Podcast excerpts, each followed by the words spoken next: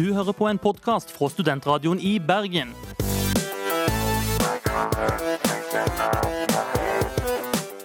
Denne og mange andre flotte podkaster finner du på podkast.srib.no.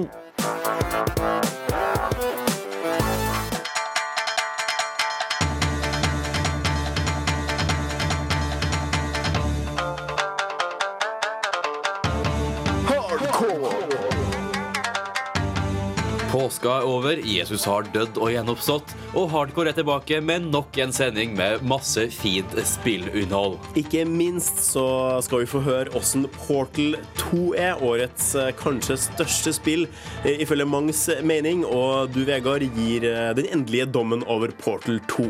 Vi er jo alltid glad i å snakke om Nintendo, mye fordi de har irritert oss mye i det siste. Men nå går det rykter, og så vidt bekrefta, at det kommer en ny spillkonsoll fra dem neste år.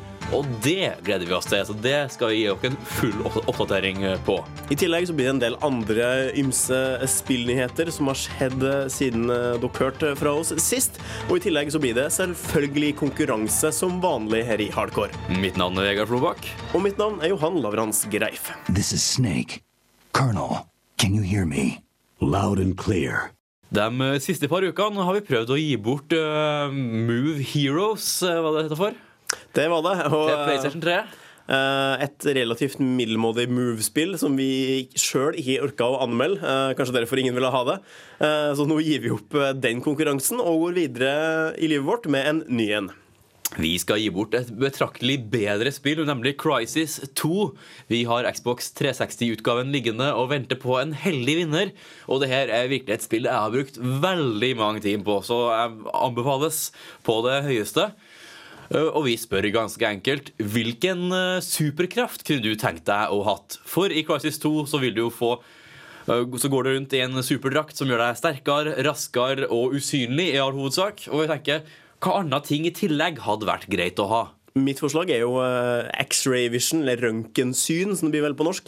Eh, For da kunne jeg jobba på, på flyplassen. Eh, Veldig enkel jobb, bare stå der og se på folk og ting. Og så kunne jeg fått eh, godt betalt for å, for å gjøre det. Så slapp de alt, alt det tunge maskineriet. Det kunne blitt lege. Dr. X-ray! Oh yeah! Så det er veldig mange bruksområder for akkurat den superkraften, så det, det har vært snedig. Eh, Enn du, Vegard? Sånn superhastighet type lynet er ikke dumt. Altså, tenk alt du får gjort. Jeg husker jeg så en episode av The New Adventures of uh, Louis Lane and Clark Kent.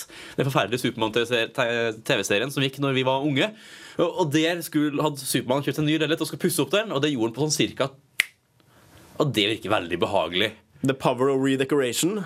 I- Blant annet. Og liksom, alt du ikke får tid til, det har du plutselig masse tid til. Fordi oppå, øh, Du har hengt opp vasken på et øyeblikk, og du trenger ikke å tenke på alle sånne kjedelige gjøremål, for det gjøres veldig veldig fort. Samtidig så er jeg jo lat, så jeg tror egentlig ikke det hadde hjulpet meg så veldig mye om jeg var superrask. uansett ikke gidda å gått i gang i første omgang. Men i hvert fall. Har du et øh, forslag til en superkraft du kunne tenkt deg å ha hatt, så sender du det på e-post til øh, hardcore krøllalfa srib.no. Eh, og så må du merke det med eh, konkurranse og sende til oss ja, innen to uker. Så da blir det sånn ca. 10. september, tror jeg. Eh, Og, ten og tenker du at uh, september blir det vel ikke? Det blir vel i, uh, i mai, gjerne. Ja. Litt kluss der. Um, ja, uh, men det er veldig stor sjanse for å vinne. så ikke, ikke, ikke sitt og tenk at nei, det er ikke noe vits å sende inn. Det er så mange som sender inn. Sjansen er stor, så send for all del inn til vår konkurranse. For da kan du bli den heldige vinner av, X, av Crisis 2 til Xbox 360.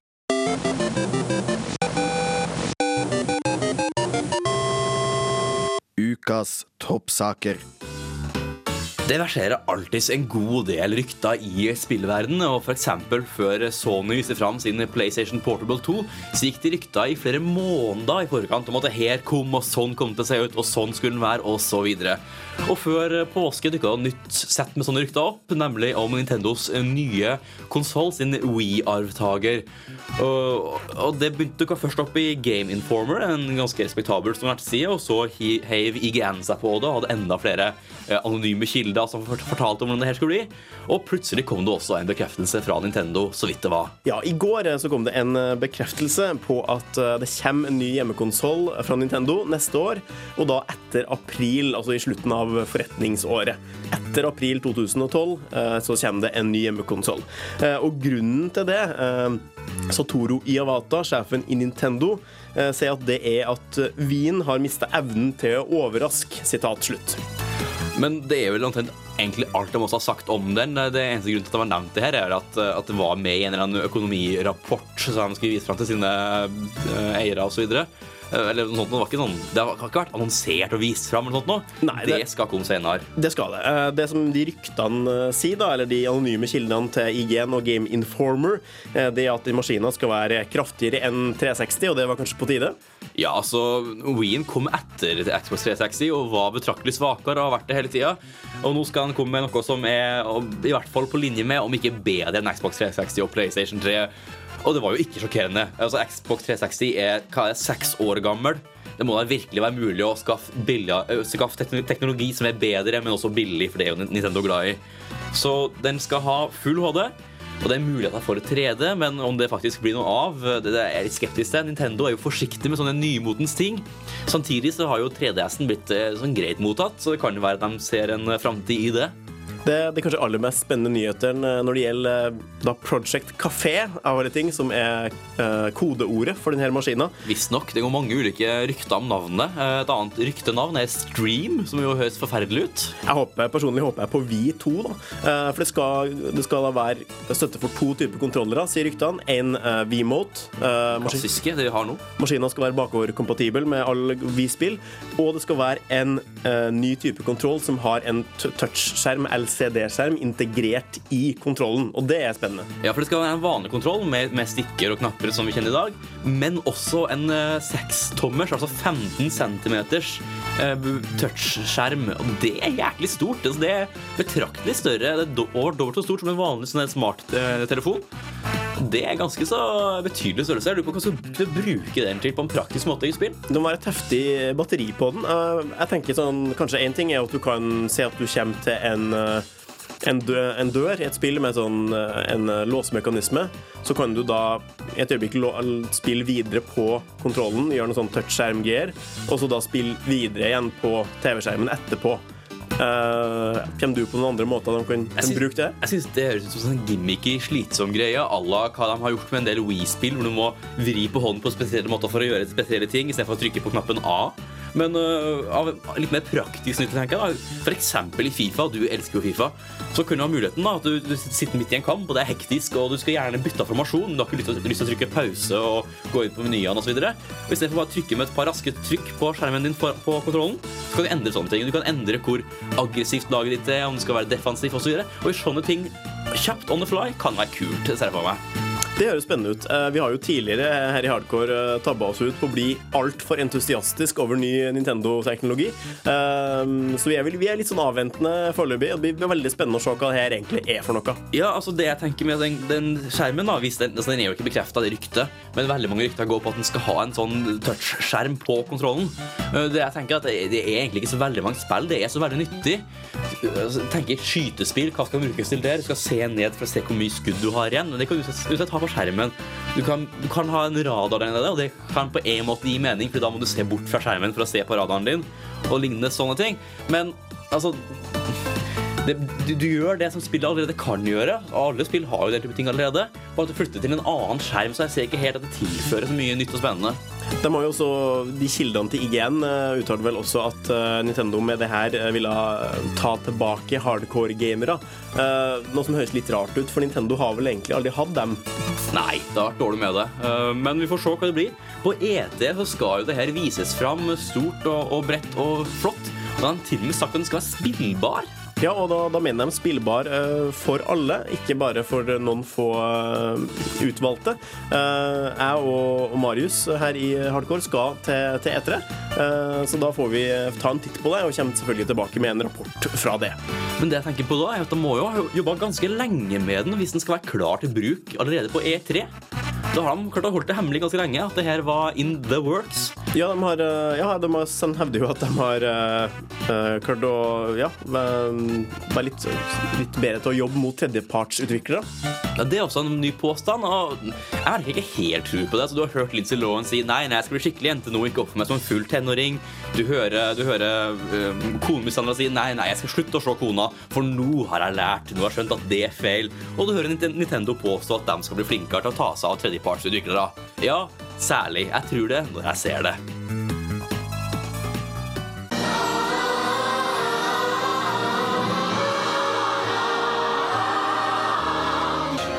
Hører på Studentradioen i Bergen.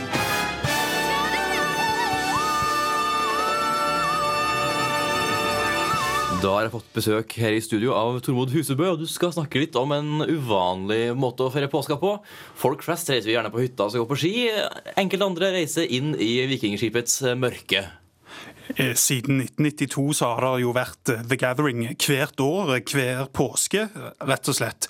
Og The Gathering har jo etter hvert eh, vokst seg til å bli faktisk det ant største datapartiet i hele verden, etter Dreamhack i Sverige. Og Arrangementet har jo vært inn, siden 1996 i hver påske i, i Vikingskipet i Hamar. Og jeg var der jo bl.a. i 2005. Det var dessverre noen år for seint, fordi at det var da folk hadde begynt å spille World of Warcraft på The Gathering. Sånn at når alle satt uh, i raids når de skal uh, sko ned i Molten Core, så var det jo klart at det var svært lite folk som havna på CS Assault-serverne jeg drev og var på.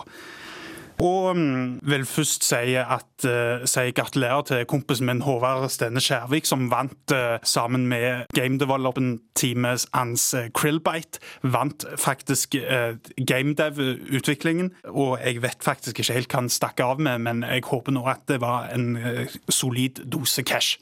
Ja, for En ting med The Gathering er jo at det er en haug med masse konkurranser hvor alle som er der, egentlig kan hive seg på og være med.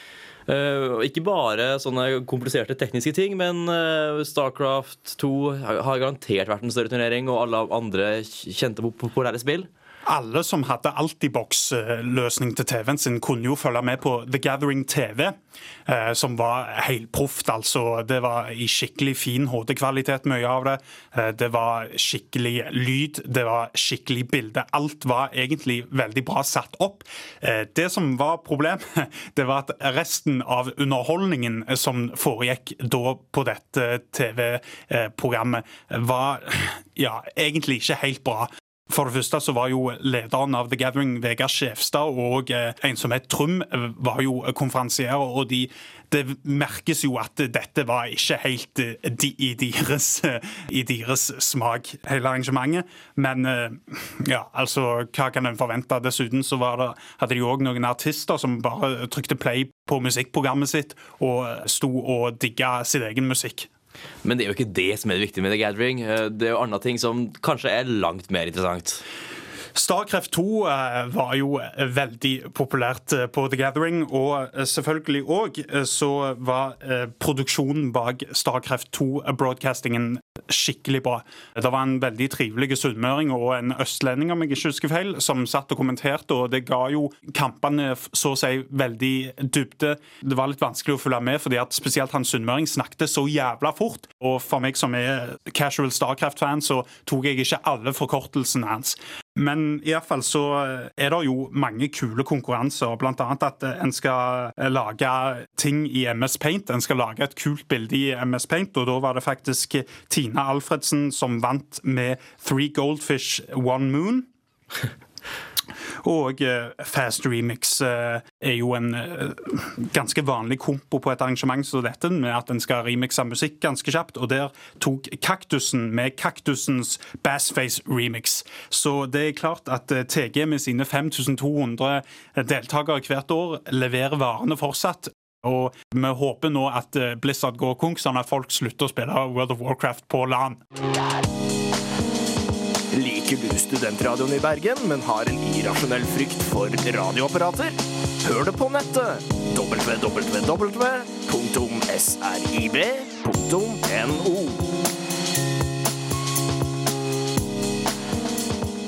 Tormod, du er fremdeles i studio, og i påska så har du kost deg med Mortal Kombat. Det er jo en velkjent eh, og gammel spillserie som de fleste av oss har støtt på, i hvert fall i vår ungdom. Det har jo egentlig ligget i mørket ganske lenge siden begynnelsen av 90-tallet. fordi at eh, En må jo huske at Mortal Kombat, når de var i arkadene, så tjente de jævla mye penger. Folk spilte det hele veien og kjøpte Super Nintendo-versjonen og selvfølgelig Megadrive-versjonen, så det var helt uh, åpenbart uh, veldig populære spill. Fram til Mortal Kombat 4 kom. Og da har det egentlig aldri klart å få tronen sin tilbake som liksom slåssespillkjempen. Mortal Kombat har jo blitt uh, satt i skyggen pga. f.eks. Tekken og Street Fighter. Ja, og Hva er det som skiller Mortal Kombat fra Tekken og Street Fighter? Hvorfor er det her noe å se på i stedet for de andre med nå mer kjente spillseriene? Tekken og Street Fighter føles jo veldig lite realistiske, fordi at eh, det er veldig lite blod, det er veldig dynamiske, veldig kjappe bevegelser. Mange som er rett og slett helt urealistiske. Mens Mortal Kombat-serien har tradisjonelt sett vært mye mer stivt og tungspilt. Det har altså virka som om eh, slagene dine faktisk gjør mye skade, og det er veldig mye blod. Og det er det òg i dette nye Mortal Kombat-spillet til PS3 og 360. Men stivt og tungspilt, er det en positiv eh, attributt? Eh, det gir jo deg en teknisk fordel, eh, i og med at du kan planlegge mye bedre. Det er jo et faktum at både Tekken og Street Fighter kan du bevege deg utrolig kjapt. Du kan gjøre komboer utrolig kjapt.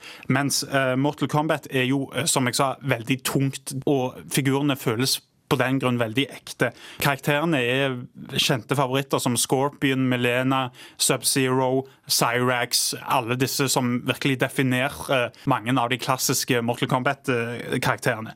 Og um, det er klart at dette er et jævla gøy Mortal Kombat-spill, for en har venta og venta og venta på et spill som bærer Mortal Kombat-navnet, som virkelig skulle ta spillverden med storm. At Mortal Kombat endelig skal være the shit innenfor slåssesjangeren. Og eh, Mortal Kombat gjør virkelig det. For eh, det er veldig mange kule effekter. Eh, det føles ut som om eh, de har virkelig brukt mye kjærlighet når de skulle lage dette spillet. Alle favorittkarakterene mine er der. Er, jeg er ikke helt sikker på hvor mange karakterer det er, men det er iallfall mer nok eh, til at jeg ikke følte at det mangla spesielt noen. For uh, gjennom de ni Mortal Kombat-spillene som har blitt uh, lansert, så har det vært ganske mye forskjellige karakterer som har vært med. Eh, spill, eh, Slåssespill er jo gjerne typisk Enten trykker du veldig veldig fort på alle mulige knapper, eller så har du en plan og du har faste Du bruker eh, spesielle kombinasjoner av tastetrykk osv. Eh, og du sier den her faller mer i den siste kategorien. Er det masse mulige kombinasjoner man må lære seg for å få til? Eller? Det er mer enn nok å rett og slett bare time det rett. Men det er jo klart når du kan uh, Reptile sin, uh, sin spyttebevegelse med at han spytter syre i kjeften på motstanderen, eller du kan som Sub-Zero gjøre motstanderen din til is at du i det hele tatt kan det, gjør jo at du får mye mer taktiske muligheter, rett og slett. Og eh, med å slå, slåss bra i Mortal Kombat, eh, så følger du da opp et slags spesialmeter, som i Street Fighter EX for eksempel, og Street Fighter 4. Sånn at eh, når du har fått fullt nok, så kan du enten gjøre dine egne bevegelser enda bedre, eller så kan du faktisk slåss eh, med at eh, en kommer inn i en slags spesialsekvens eh, der motstanderen ikke kan gjøre noe, og så blir alt i svart-hvitt. Og det, akkurat som det blir et slags sånn røntgenbilde når, når, når, du tar gjerne kniver gjennom trynet til motstanderen, eller du kaster masse, masse seis. Du, det er utrolig mange muligheter sånn sett, eh, som gjør at spillet er veldig kult, eh, veldig voldelig, veldig blodig. Sånn at du ser etter kampen at her har det virkelig foregått eh, mye vold og blod og jævelskap. For eh, trynene til, til karakterene er helt fokka når kampen er ferdig. Så absolutt, dersom du ønsker et nytt slåssespill, så føles Mortal Kombat veldig rett og slett, eh, Det viser et sant slektskap til de forrige spillene, samtidig som det er veldig moderne. Så jeg kan rett og slett ikke anbefale Mortal Kombat nok. Og det er veldig mange andre anmeldere som syns det, så gå ut og kjøp det dersom du liker å slåss. Oh, I can't believe you did that! It was still alive! Oh, I think I'm gonna be sick. That one was still fluttering as you swallowed it. Oh. There goes another one. Extra crunchy. Oh, you don't have any scruples, do you? Bare de hardeste av de harde hører hardcore på studentradioen i Bergen. That, that is the vilest thing I've ever seen. And this, coming from someone who never misses Torture Tuesdays. Johan, du er jo en eh, stolt PlayStation 3-eier, og får du brukt den mye online nå om dagen? Mm, nei, det er jeg ikke. For nå, nå har den blitt ramma av et uh, heidundrende angrep av en eh, utvendig kilde, som Sony så fint eh, kaller det. Vi vet ikke helt hva som har skjedd, men eh, siden onsdag cirka forrige uke så har ting ikke funka. Det har ennå ikke begynt å fungere, kanskje så vidt nå. Men eh, Sony er veldig sånn Ja, nei, den vil ikke helt si hva som har skjedd, vil ikke helt si hva han skal gjøre for å fikse det, vil ikke helt si når det kommer tilbake igjen. Nei, det er jo ganske utrolig at eh, altså da den, eh, en tjeneste som så mange millioner bruker, har vært ned i, i nesten en uke. Eh, det er jo Akkurat nå så kommer jo Mortal Kombat, Portal 2 og Socom 4 ut, eh, som alle bruker PlayStation Network. Så sikkert ganske mye sinte, sinte kundemail de får nå for tida. Ja, og ganske mye dårlig PR, ikke minst. da. Det er jo jævlig kjipt in this day and age å stå uten nettilkobling når det er egentlig det som eh, ja, veldig mange ser på som poenget med å spille, er å spille online, og det går jo ikke. Hvem, hvem tror du har gjort det? da? Altså, det er, tror du det er Anonymous? For de har jo trua med for noen dager siden at de skulle gjøre et eller annet som ville treffe Sony hardt. Ja, men samtidig har de også, også sagt at de ikke vil treffe forbrukerne, men Sony som eh, Ja, så det er vanskelig å si, da. Men Anonymous er jo ikke begeistra for Sony pga. en rettssak mot en hacker eh, som nå er, er ferdig redd for øret. Settlement out of court. Men eh, det kan også være noen andre. Det går rykter om at Sony har mista alle kredittkortinformasjonen som folk har brukt hos dem. Noe som virkelig ikke tegner godt, men hadde det stemt, så tror jeg det hadde vært langt større sak enn det er. For sånn kortinformasjon blir jo brukt med en gang og kort tømt for penger. Så Jeg har mastercardet mitt inn der, så da kanskje jeg bør ta en ekstra titt på, på kontoen eh, når sendinga er ferdig i dag. Johan, har du kjøpt badekar? ja, det, det liker jeg tanken på, at de bruker det til å kjøpe badekar. Det, det håper jeg. Badekar og bensin. Ja. Det er sånn man bruker penger på når man stjeler dem. Så akkurat nå så kan dessverre ikke alle eh, PlayStation 3-eiere gå online. Det er jo jæklig kjipt. Men, og Sony vil altså ikke si noe om når det skal bli bra igjen, men de håper jo å få det opp i løpet av uka. Ja, og de, de bygger da opp noe nettet på nytt for å gjøre det trygt for sånne angrep i fremtida, uttaler de også.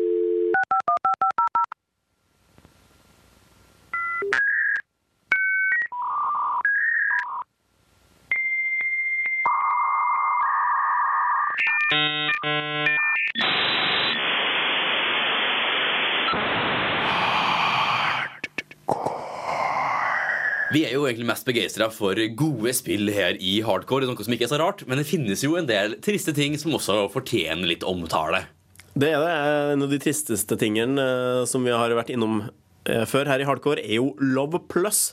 Et eh, Nintendo DS-spill eh, der man da kan få seg kjæreste i den virtuelle verden. Og det her er selvfølgelig veldig populært i Japan. Ja, Det er tre ulike japanske mangafigurer du kan velge å bruke din eh, tid og interesse på. Som kan bli din, eh, din kjære og kan snakke bitte litt med deg innenfor det som spillet har definert som intelligenssamtale. Og du kan da dra på dating og, og sånne ting. Og hvis du er virkelig, virkelig trist, så drar du, på, drar du på dating i virkeligheten, og så tar du opp 3D-en din, og eh, DS-en din, og setter den på andre sida av bordet, så skjermen stå mot deg. Og så kan du og 3DS-en ha ha en romantisk middag sammen. Å, så koselig. Det finnes jo faktisk Nei, Johan, det var trist. ja, det finnes jo faktisk eh, hoteller der du kan ta med Sånne som er laga spesielt for den eh, noe spesielle gruppen der. Eh, der du kan da ta med din eh, såkalte kjæreste på, et, eh, en kjærlighetsweekend på hotell. Og selvfølgelig betale for to. Ja. Det, det er veldig fint, for sånn, Når man først skal gjøre ting litt trist, så er det bra å gjøre det ordentlig skikkelig trist. Med litt Betal innsats. ekstra. Ja, Det er ikke noe sånn du leker ikke stusslig. Det, det skal være ek, ekte stusslig. Ikke bare stusslig, det svir på pengeboka også. Det er flott. Eh, Men over til litt mer spill vi kan kjenne oss igjen i. Bilspill er jo ofte fart og moro og gøy, men det finnes en, en, en liten del av den verden som jeg virkelig ikke forstår meg på. Eh, Bussimulatorer. Du skal ikke kjøre fort, du skal kjøre komfortabelt. Det er en form for abstrakt nestekjærlighet overfor en haug med spillfigurer som sitter i bussen jeg kjører rundt i en by. Jeg, jeg skjønner virkelig ikke greia. Altså, jeg kan skjønne det som en utfordring, f.eks. å kjøre komfortabelt i Bergen. er ikke bare bare, men altså som et faktisk spill? Nei, jeg ser virkelig ikke det her. Eh, helt enig. Jeg ser samme greia når det gjelder Garbage Truck Simulator, der du skal late som du eh, er hyggelig og eh, hjelpe ja, byen med å bli ren og pen, sånn at det ikke blir rotta og sykdom og sånn. Det, det er jo en veldig fin og aktverdig jobb i det, i det virkelige liv, men i, i spill så høres det jo ganske trist ut. På samme måte kan vi si at Cooking Mama høres også litt trist ut. Jeg har du prøvd dem, men altså, Et spill hvor du lager mat Må du vaske opp også, eller eh, slipper du den biten? Eh, washing Up Mama, uh, oppfølgeren til til TDS. Ja, det, du skal ikke se bort fra det at det kommer til å komme en eller annen dag når DS-utviklere begynner, begynner å gå litt tom for ideer. Men ikke at det ikke er gøy å lage mat på ordentlig, men i et spillform så jeg ser virkelig poenget. En annen ting som er trist av helt andre grunner, er Crazy Taxi. Um, det er for for så vidt et helt akseptabelt, eh, om enn utdatert spill. Men finnes det en nåværende spillkonsoll det er ikke gitt ut til?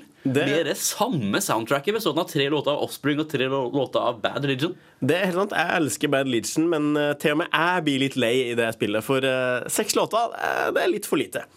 Uh, et annet spill som kanskje er mitt tristeste oppleve, spillopplevelse, er Universal Studios, som vel var det første jeg anmeldte her i Hardcore for seks år siden. uh, der du er Hakke Hakkespett.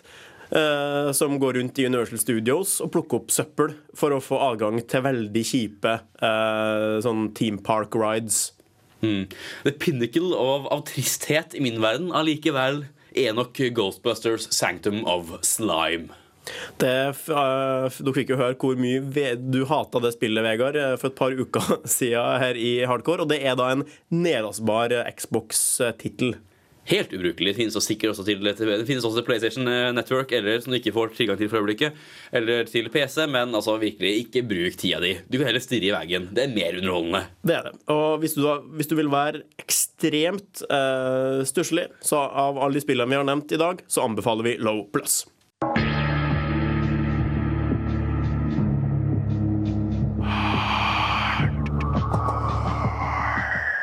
Par ting gjentar seg støtt og stadig. Eksempel, hvor ofte har du ikke hørt at PC-spillene det, det er en død affære, Johan? Har ikke Den, den går ofte. Det hører vi ja, ca. hvert år. Siste ti årene, kanskje. Nei, nei, nå, nå er det slutten. Også. Nå er det virkelig slutten. Det er virkelig ikke overlevbart. Og så finnes PC-spillmarkedet likevel. Og det ser ut som om altså en del folk vil tenke seg da, kanskje vi rett og slett ikke har god nok informasjon. For de ser liksom på salgstallene de går sakte, men sikkert nedover. Men samtidig, på, særlig på PC-markedet, så er jo digital distribusjon det virkelig, virkelig store. Og det er vanskelig å få oversikten på, på hva som er, for det er så mange ulike å velge i. I tillegg så selger jo ofte folk spill fra sine egne nettsider, og dem rapporterer jo ikke til noen, vil jeg tro. Men det aller største problemet, da, hvis du først skal begynne å kartlegge også digital distribusjon, det er det gjort forsøk på flere plasser, er at den største aktøren, Valve, gjennom sin Steam-tjeneste, er det beregnet at de står for opptil halvparten av all digitalt salg av spill på PC-markedet. Det er sinnssykt mye. De vil ikke gi bort eh, tallene sine. Det, det kan egentlig være et uh, ganske stort problem. Uh, så kanskje PC-salget er relativt mye større enn det vi uh, tror. Ja, eksempel eh, Portal 1 var jo et knallspill. Det er solgt fire millioner utenom det som kom på Steam. Og, og jeg vil anta at det er i hvert fall like mange til Steam, og ikke flere kopier solgt på Steam. Så det er et kjempespill må det ha vært for Valve. På- Portal 1 var jo fantastisk. Eh, Nå er jo eh, Portal 2 her. Eh, Etter sigende Game Trailers eh, sin journalist Jeff Keeley hevder at Portal 2 skal være det siste enspillerspillet til Vov. Det får vi nå se på, men Portal 2 er i hvert fall her, og du, Vegard, har dommen. Det første jeg kan si om Portal 2, er at det er mer av det samme. Kanskje ikke så overraskende, det første Portal-spillet fra 2007 var en umåtelig suksess.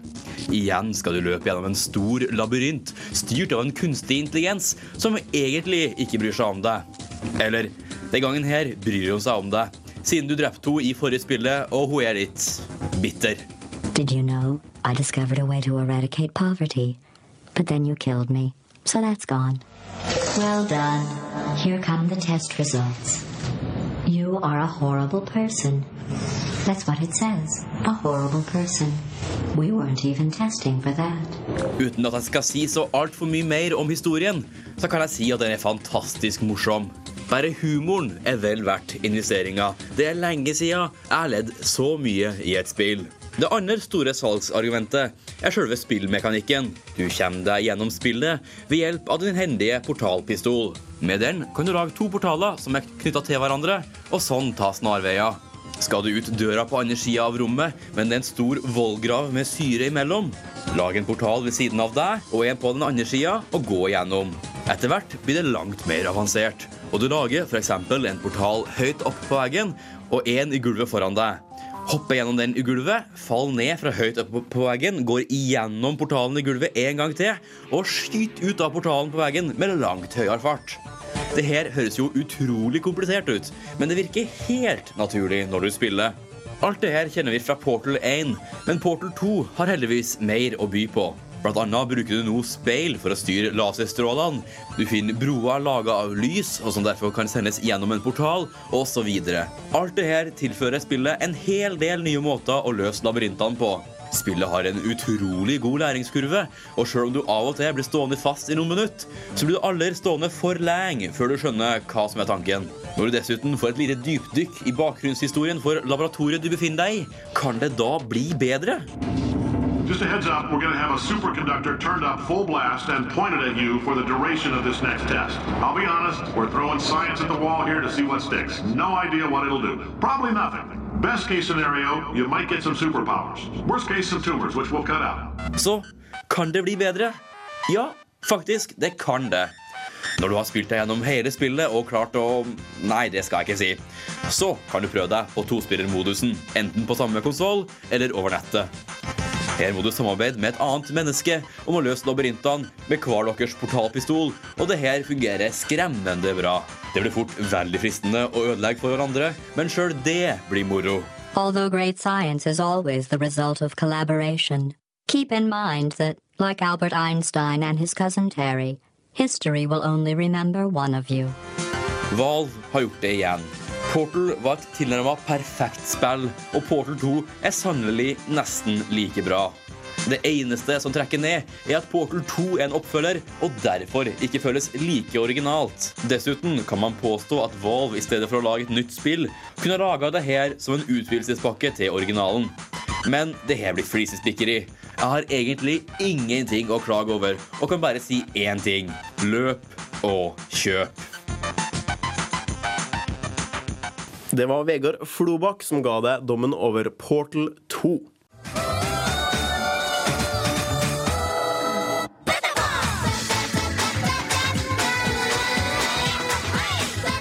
Hvis noe er rart og japansk, da finner du det i hardcore.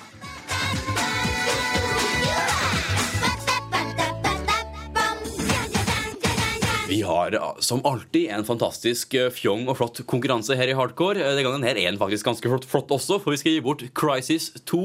Eh, Vi gir den bort til Xbox 360. Det vi lurer på da, er hvilken superkraft har du lyst til å ha? Har du et eh, svar på det, så sender du det til vår mailadresse hardcorealfakrøll srib.no. Og sjansen for å store, den er veldig, veldig stor, så liker du Crisis, så send inn.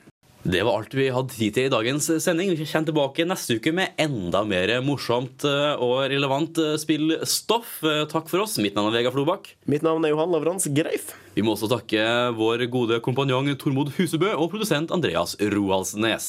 Ha det bra! Hardcore fikk du i samarbeid med GameStop og gamersgate.com.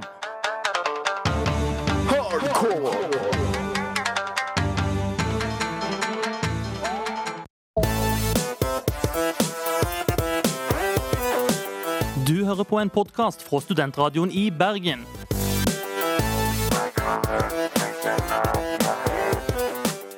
Denne og mange andre flotte podkaster finner du på podkast.srib.no.